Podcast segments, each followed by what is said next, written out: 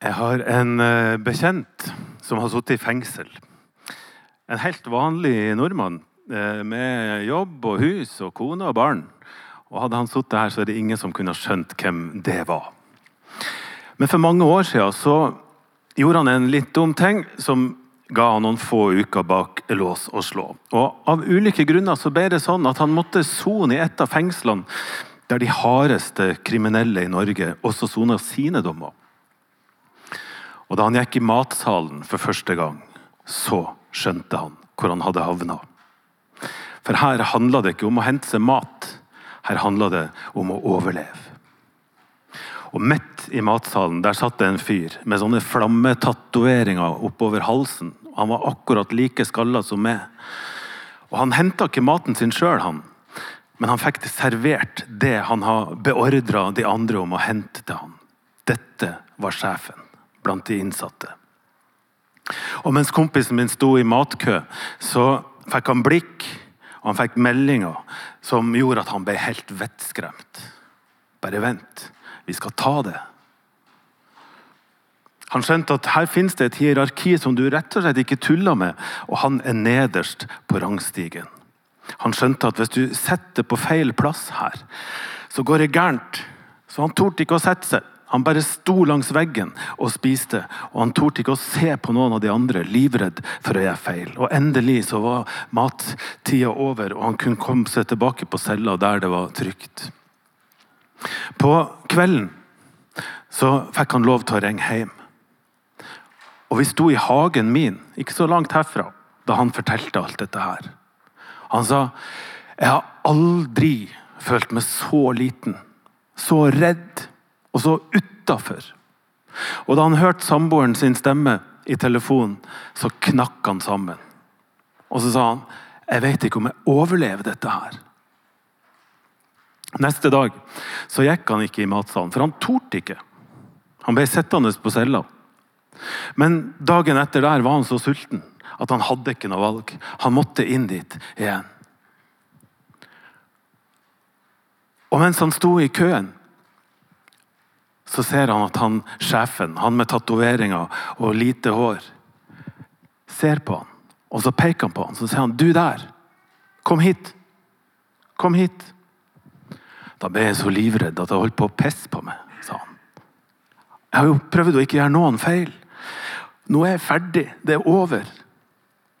Men jeg hadde ikke noe annet valg enn å gå bort til han. Og jeg bare sto der foran han. Og så sa han Jeg veit hvem du er. Jeg syns det var noe kjent, og nå kjenner jeg det igjen. Og kompisen din sto stiv som en stokk. Hva kommer nå? Kommer det godt, eller kommer det ondt? Så sier han fyren. Du har nok ikke sett meg, for jeg ligger lavt når jeg besøker mora mi. Men du bor i samme blokka som hun. Og jeg vet at av og til så hjelper du henne med trappevask og det å gå på butikken og sånne ting. Og du har aldri krevd noen ting tilbake for det. Kompisen min sto der bare, og så fikk han dommen servert uten å kunne gjøre noen ting fra eller til. Du kan gå og hente mat, og så kan du komme og sette her sammen med meg. De ukene du er her, så kan du sitte sammen med meg, og jeg kan love deg, ingen kommer til å røre deg. Du trenger ikke å være redd. Jeg vet at dette høres ut som en ganske billig amerikansk film. Men det er det ikke. Dette er sant. Jeg, var jo ikke der, så jeg kan jo ikke si garantert. Men han kompisen min han lyver ikke om disse tingene. her, og Han sto nå der i hagen, og så gliste han stort når han fortalte adressen av oppholdet. Det var som en hotellferie med masse privilegier. Og det var så deilig, sa han, å bli dratt inn i varmen sjøl av disse folka her. Sjøl om de færreste av oss havna i fengsel, så vet alle noen ting om hvor godt det er å befinne seg på innsida. Det å ha en plass som er din, der du kan være trygg. Og så er det dessverre mange av oss som vet hvor ondt det er å bli holdt utafor. Det er fælt å være den der ene som ikke blir invitert på fest. Det er fælt å bli mobba i skolegården. Eller spør noen med et unorsk navn som søker jobb. Det er ikke så enkelt å få den jobben sjøl om du er best kvalifisert. Og I teksten som Erik leste, så handler det altså om å havne på innsida og utsida av Guds rike. Intet mindre. Og I dag er det altså dommedag. Nei, dere er ikke våken. Det er jo ikke dommedag. Kom an, Det er domssøndag. Siste søndag i kirkeåret. Det er noe helt annet. Det må vi tåle. Og Jeg må jo bare si tusen takk altså, at jeg fikk komme hit på en sånn festdag. Det er utrolig takknemlig. altså, for ja, nå skal, vi, nå skal vi feire. Dette er jo liksom pastorens og menighetens favorittsøndag, så nå, nå blir det gøy. Eh, nei, altså Det er en utfordrende dag. Det er jo en voldsom tekst.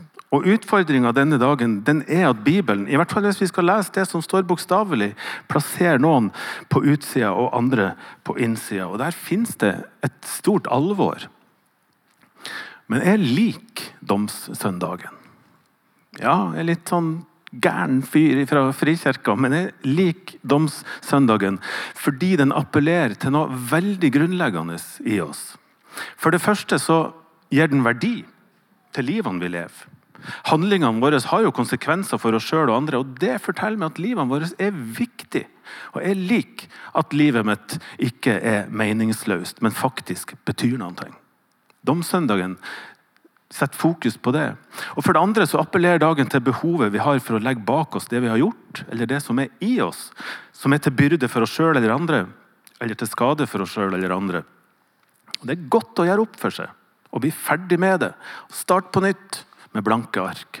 Og En søndag i året så tror jeg det er bra å stoppe opp og reflektere rundt disse tingene. Men da jeg leste denne teksten første gang fra Lukas, så tenkte jeg ah, skal vi finne på noe annet å snakke om? For Jesus virka så hard. Bort fra meg, sier han. Bort fra meg, dere som gjør urett. Han må ha hatt en dårlig dag. Han framstår som han er fyren i fengselet. En som du må være redd, en du må frykte og som belønner det hvis du har gjort det fortjent til det, eller straff det hvis det er det du fortjener. Men hvis vi går denne teksten litt i summa, så skal vi se at i Guds rike så er det faktisk plass til hvem som helst. Det er bare ikke plass til hva som helst, og det er jo noe helt annet. Situasjonen var nemlig sånn at det nærma seg påske. Og Jesus var på vei til Jerusalem. Og På veien til Jerusalem så nærmer han seg, eller går han innom landsby etter landsby, by etter by og så underviser han. Og så er det en fyr mens han underviser, som kommer bort til han, og så spør han et spørsmål med veldig ekskluderende undertone. Husker dere spørsmålet? Han spurte Er det få som blir frelst. Er det få? Og Det står ingenting om hvem som spurte. Men det vi vet, det er at det var bodde nesten bare jøder der Jesus underviste. Og de mente at frelsen var deres. Var du jøde, var du innafor. Var du utlending, så var du utafor. Spesielt trygg var du hvis du tilhørte eliten. Fariseere, skriftlærde, sadukere. Var du en fattig tigger som satt langs veien med alt som det innebar, ja, så lå du dårlig an. Veien til Gud lå åpen gjennom å leve rent nok og godt nok. Noe som de religiøse lederne spesielt var veldig flinke til. Og Dette tankesettet her, det er det Jesus går i strupen på. Ingen kan spasere inn i Guds rike bare fordi du tilhører den rette folkegruppa. Eller fordi du tilhører eliten eller det religiøse lederskapet. Eller at du har høye tanker om deg sjøl. Det er ikke sånn det funker. Og da er det at Jesus dundrer løs. Og nå må dere huske det, at Jesus var nordlending. Og det er ikke tull. Altså, han kom fra Galilea, oppe i nord. Så når jeg hører, leser hva Jesus sier, så er det alltid på min dialekt. Og da er det sånn at da klasker du til, sånn at folk forstår. Det skal ikke være noe som, som er mellom linjene her. Så han dundrer løs, og så spør han du spør om det er få som blir frelst. Nei, det er ikke få som blir frelst. Det er mange som blir frelst. De skal komme fra øst og vest og nord og sør. Ja, Det blir en hel haug med folk. Og hvem dette er, ja, det kommer til å forundre deg. Fordi du ikke vil slippe inn, ja, de skal bli de første. Mens du og folket ditt og eliten, som tror dere står først i køen, ja, dere skal bli de siste. Jesus virker hard.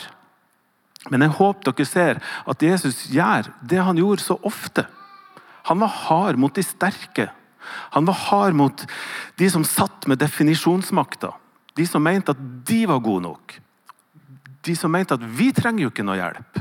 De som plasserte seg sjøl på innsida og andre på utsida. Den slags urett er det ikke plass til i Guds rike.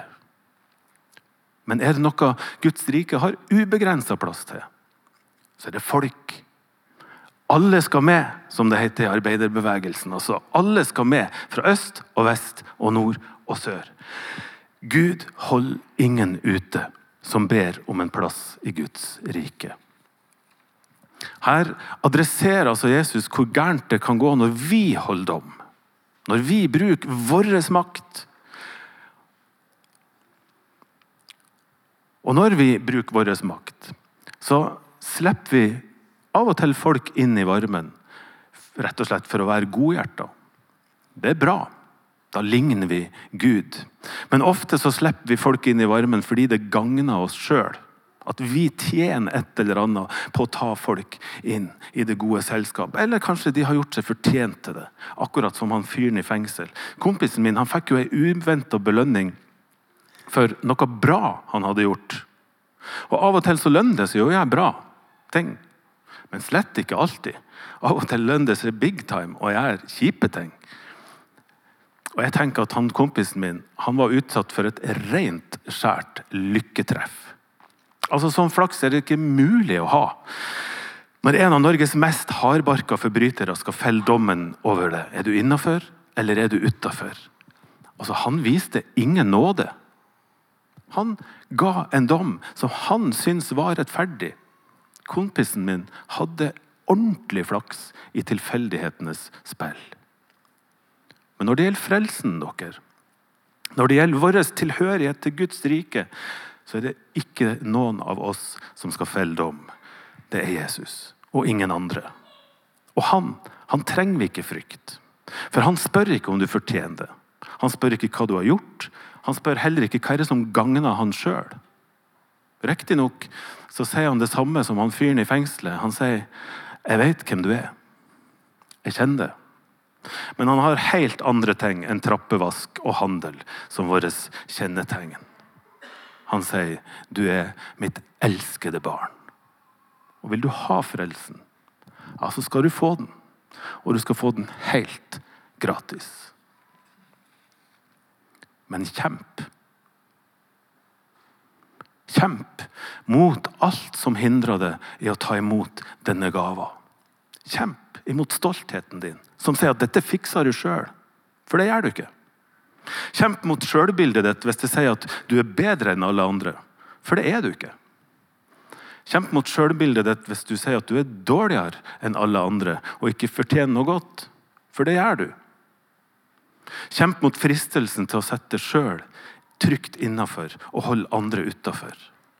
Kjemp mot bitterhet og hevntanker hvis du er den som blir satt og holdt utafor. For livet ditt er viktig. Og valgene dine får konsekvenser. Og alt dette her, og mer til, det hindrer det i å ta imot Guds nåde. Så kjemp imot det.